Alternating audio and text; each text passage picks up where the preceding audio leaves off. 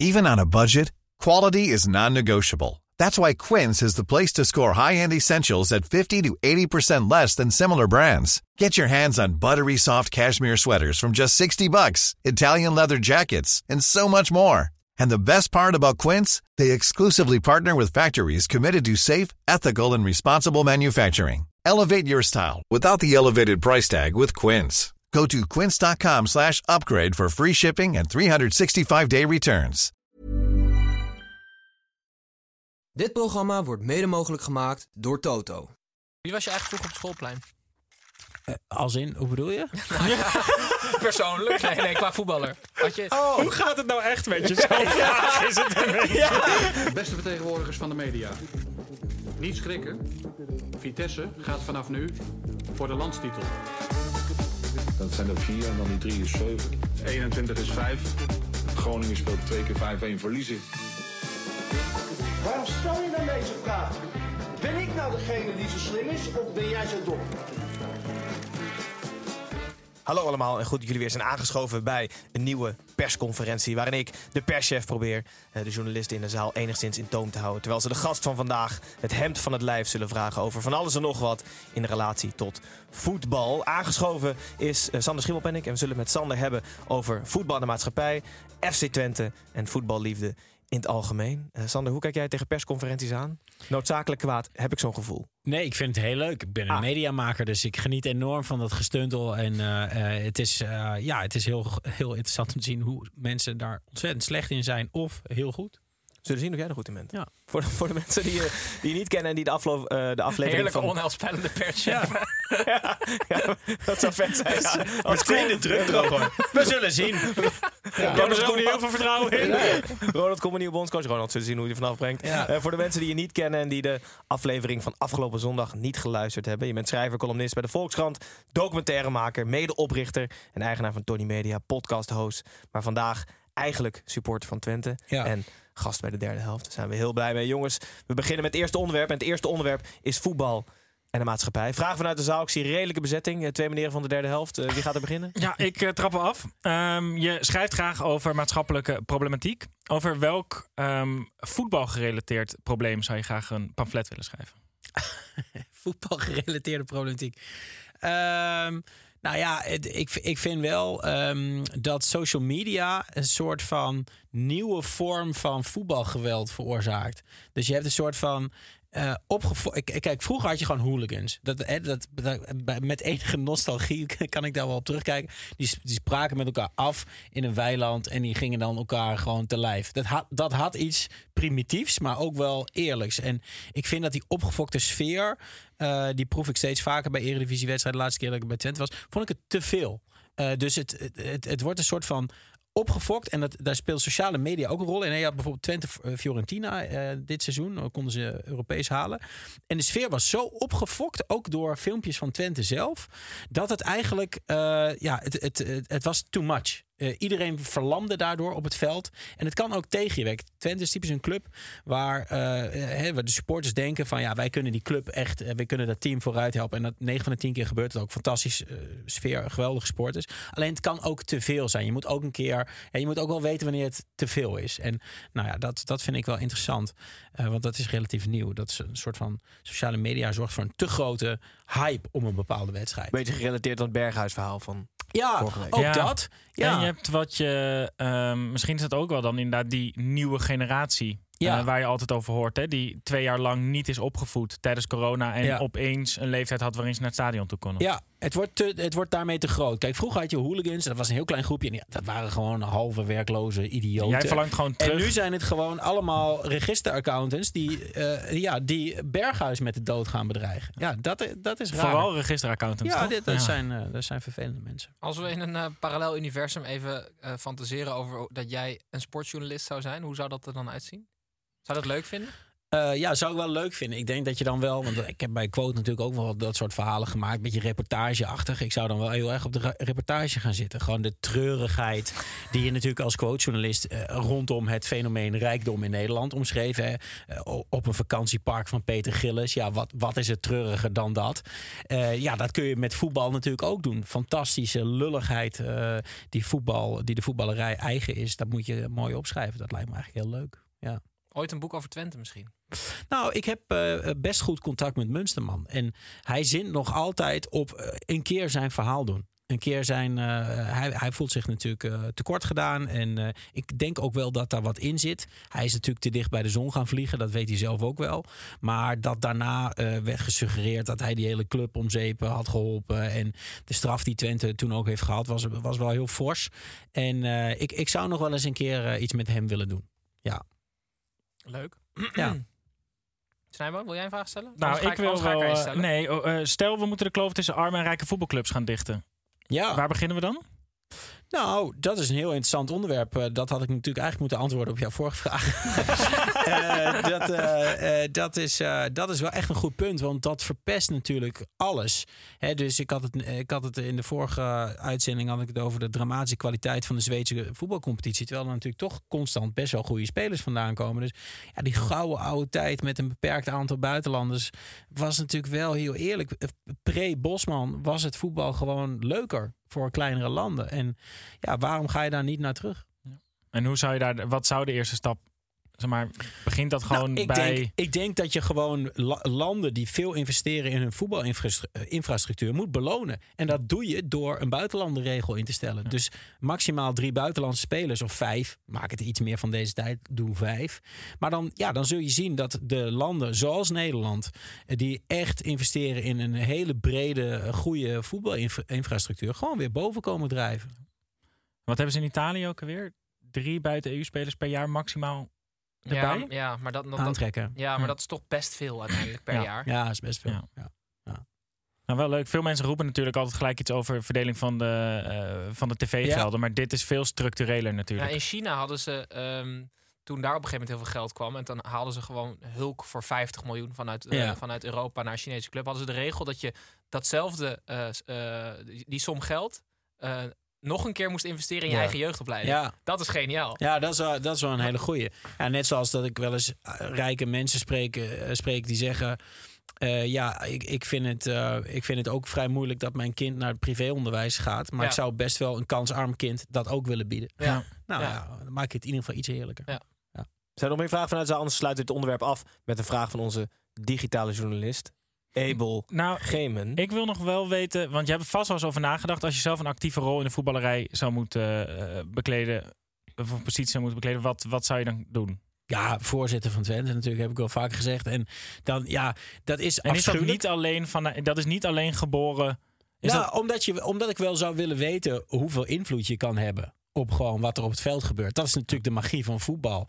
En dat is natuurlijk ook de meest gemaakte toch, fout. is toch Munsterman? Dat is de meeste. Ja, maar dat is natuurlijk de fout die alle voetbalbestuurders maken. Die denken van ja, ik ga. eh, eh, En er zit natuurlijk iets heel, heel, heel ijdels in. Ja. Ik wil gevierd worden. Maar wat Ik voor- wil de grote man zijn. Ik wil op die schouders. Zou je die voorzitter zijn die dan in de rust even in de kleedkamer erbij komt en alvast in de nee, catacombe nee. staat te wachten Nee, naar de wedstrijd? Maar da- daarom heb ik een zwak voor Munsterman. Munsterman was feitelijk een soort van sociaal we- werker. Die kon met, met al die jongens supergoed. Die gaf ze knuffels. En, en die, die, zag, eh, die zag iets in gemankeerde eh, eh, vogeltjes die eh, wat aan de, aan de vleugel hadden. Zeg maar. Die, die Kuvo die kwam daar binnen. En hij, hij praat op die man in. En hij geeft een paar knuffels. En hij ging voetballen.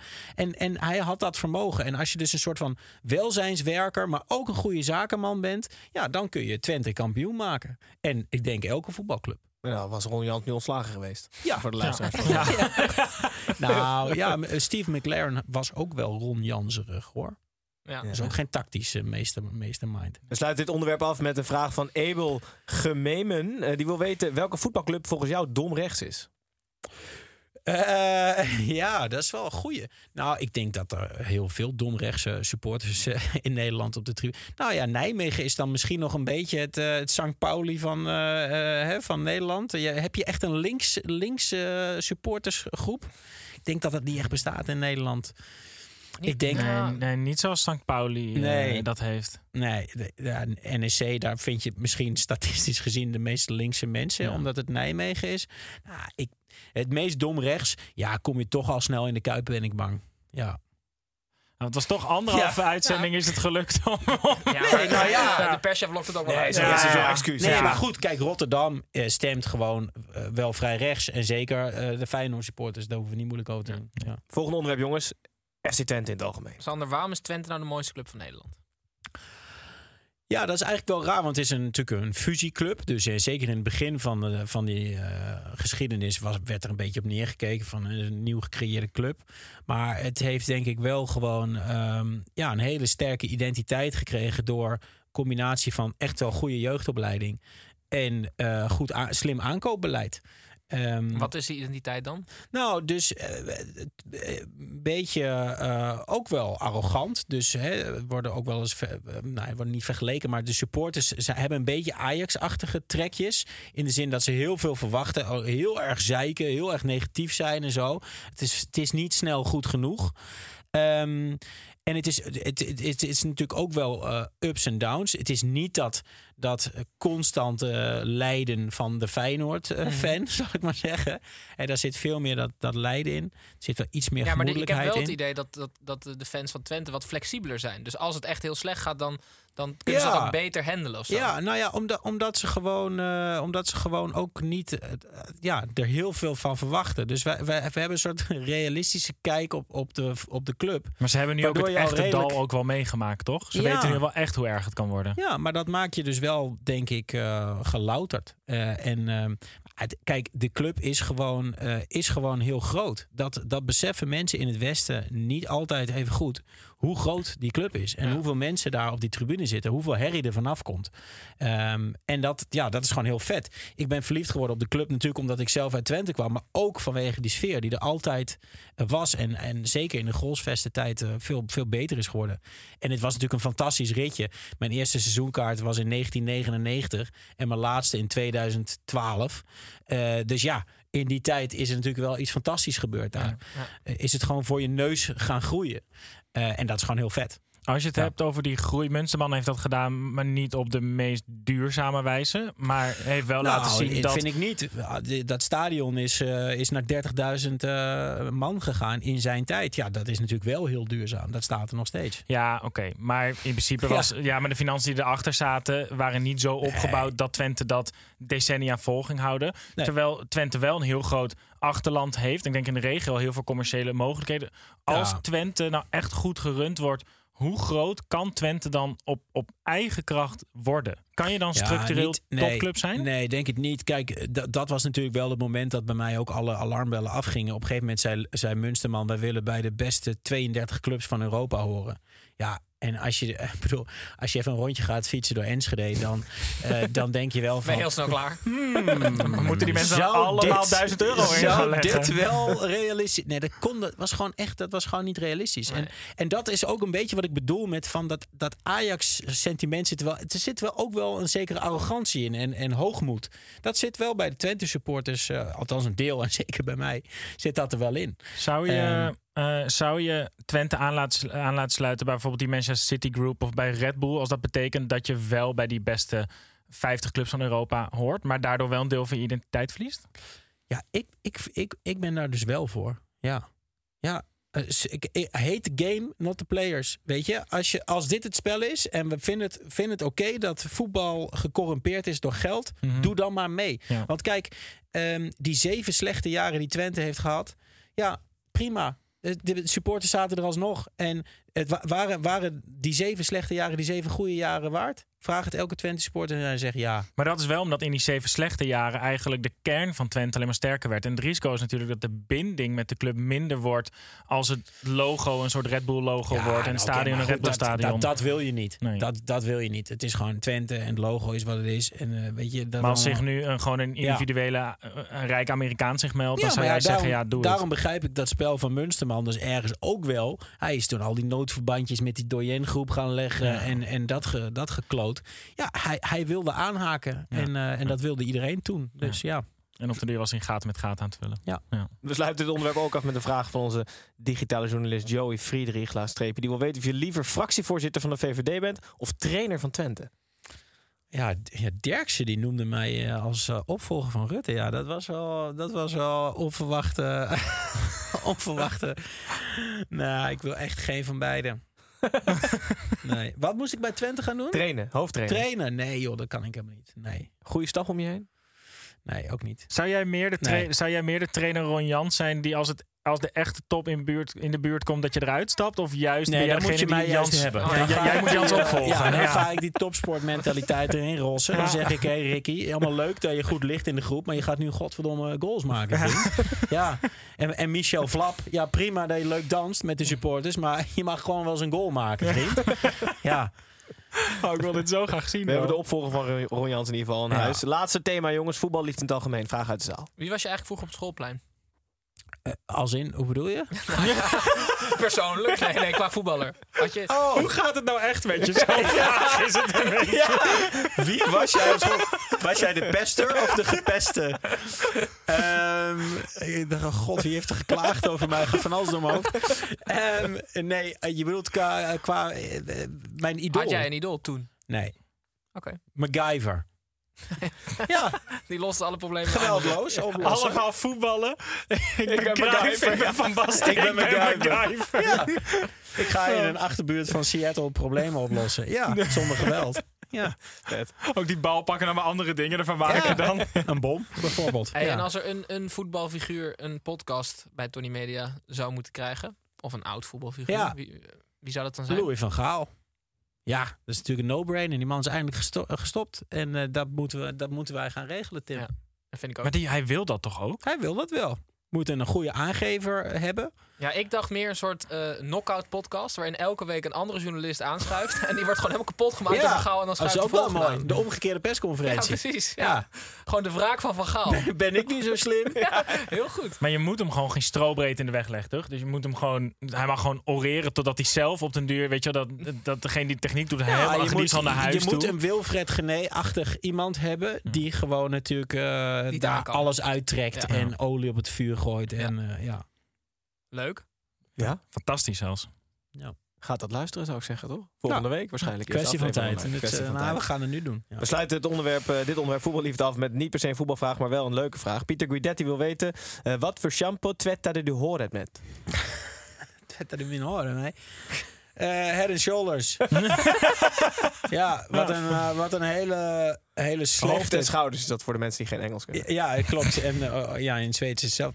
Nee, het is net als labello. Hè. Je raakt eraan verslaafd, moet jij niet doen. Nee, inderdaad. Nee, nee, nee, nee, maar er werkt, Ja. er werkt ook iemand bij ons die wast zijn haren nooit. En dat Ja. is, ziet er fantastisch uit. Ja. Oh, ja? die is op een gegeven moment, eh, het is drie, haar vier weken is het hel. aanmaken, drie, toch? vier weken is het hel, wordt helemaal vet en Ja. verlept. En daarna ben je helemaal het mannetje. Maar kan je dan, moet je dan wel gewoon, bijvoorbeeld als je wax doet, wel uitspoelen? Of gaat dat dan ook Nee, helemaal dat vanzelf? gaat allemaal vanzelf. Het, het is gewoon een soort, een soort ecosysteem. Zelfreizen. Ja, precies. Ja. Wordt het op den duur, wordt het dan zo'n plant in zo'n met zo'n in zo'n dichte Ja, pot? nee, je krijgt wel een glas op je hoofd. Oké jongens. Eh, voordat we helemaal af gaan sluiten en de stekker eruit trekken. eh, de laatste vraag die we aan iedereen stellen. Hoe ziet jouw ideale derde helft eruit?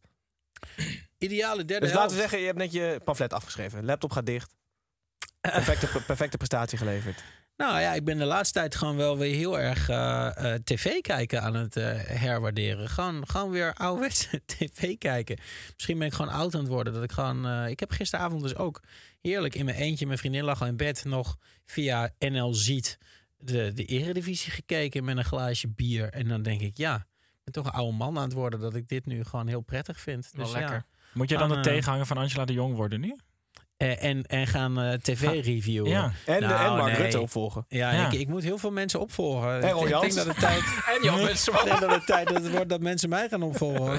Nee, nee, nee. Ik ga, ik ga helemaal niemand opvolgen, jongens. En maar vroeger was je derde helft dus uh, hashkook en pillen, toch?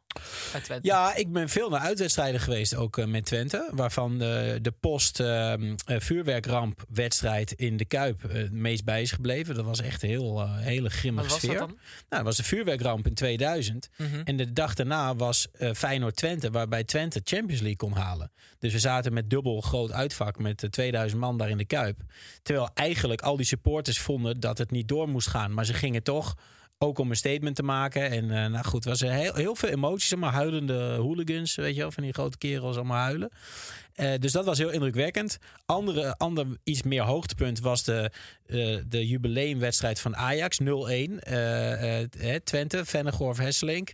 Ontslag Jantje Wouters. Was ook heel leuk. Eh, ja, ik heb veel mooie uitwedstrijden. Maar die wedstrijd tegen Feyenoord, hadden jullie die gewonnen? Of Nee, 1-1. Kroes en eh, Booth. Ah, Booth. Wauw. Mooi Scott. Booth. Ja. ik weet het allemaal nog. Heel goed. Oké jongens, we sluiten hem af de persconferentie. Eh, journalisten, dankjewel. Tim Snijboon. Eh, tot zondag. Eh, dan zijn we hier weer met de Eredivisie na te beschouwen. Sander, super bedankt. Sympathiek dat je woensdag weer terug bent gekomen. Waarderen wij zeer. Eh, wie dezelfde kleren. Tot de, Ja, vol- joh. tot de volgende keer. Of als je Louis van Gaal gestrikt hebt om Ja, een podcast dan... te maken. eh, dat lijkt me een goeie. Kijkers, luisteraars. Hopelijk tot zondag. Dag.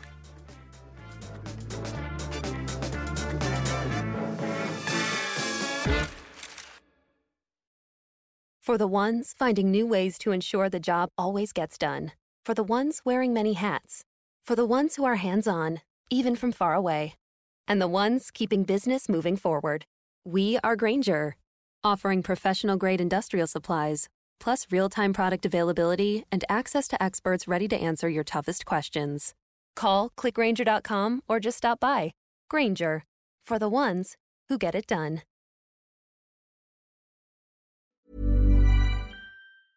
Ruben Tijl, Ruben Tijl. Wacht Ruben even, zijn er Tijl, nou twee Ruben. Tels of twee Rubens? Twee Rubens, één tel. Drie mannen. Eén midlife crisis. De meeste mannen dragen dan niks meer bij in de maatschappij. En die gaan motorrijden. Ja, maar wij nemen een podcast op. Dus luister. Om de vrijdag naar Ruben Tel. Ruben, De podcast!